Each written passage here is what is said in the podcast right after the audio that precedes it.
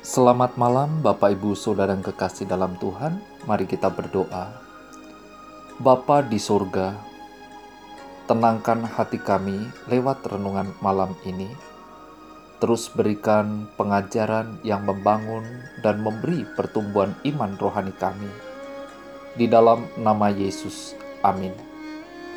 Tema malam hari ini, Yesus mengajar. Matius pasal 5 ayat 1 dan 2 Ketika Yesus melihat orang banyak itu, naiklah ia ke atas bukit, dan setelah ia duduk, datanglah murid-muridnya kepadanya.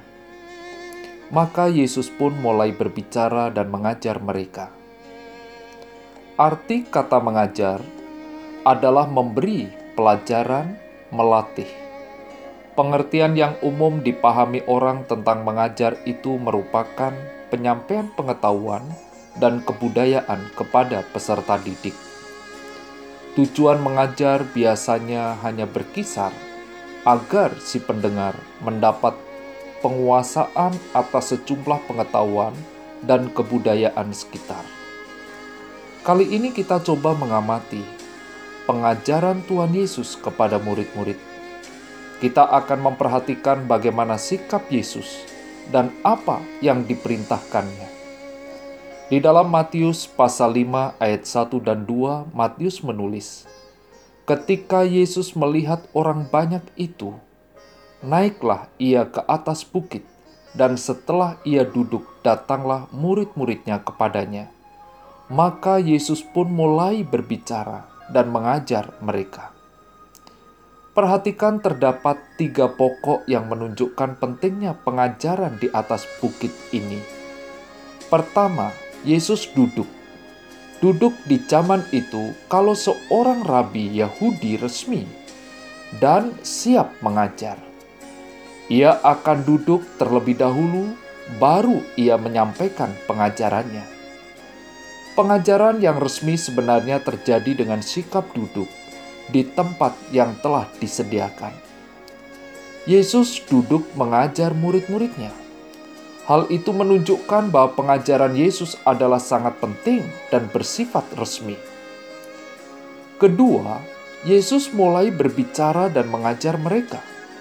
Ungkapan ini bukanlah suatu ungkapan biasa, juga bukan ungkapan yang menunjukkan bahwa Yesus sekedar berkata-kata. Yesus berbicara mempunyai kepentingan rangkap. Ucapannya serius dan penuh hikmat. Isinya menyampaikan pesan ilahi, yaitu menyuarakan suara Tuhan di tengah-tengah umat. Ucapannya disampaikan dengan hati yang tulus ikhlas dan melahirkan atau mengutarakan segala sesuatu yang ada di dalam pikirannya. Ungkapan ini dipakai di dalam pengajaran yang bersifat persaudaraan, sehingga terjadi percakapan yang terbuka dan akrab tanpa tedeng aling-aling.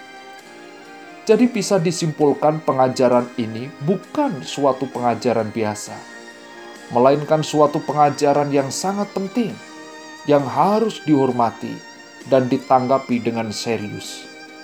Ketiga pengajaran ini adalah kesediaan Yesus sendiri untuk membuka hati dan pikirannya kepada semua orang yang akan menjadi penerus pesannya di dalam menunaikan tugas ke depan sebagai orang Kristen, apakah kita sudah belajar dengan hormat dan serius dalam meresponi firman Tuhan dengan serius?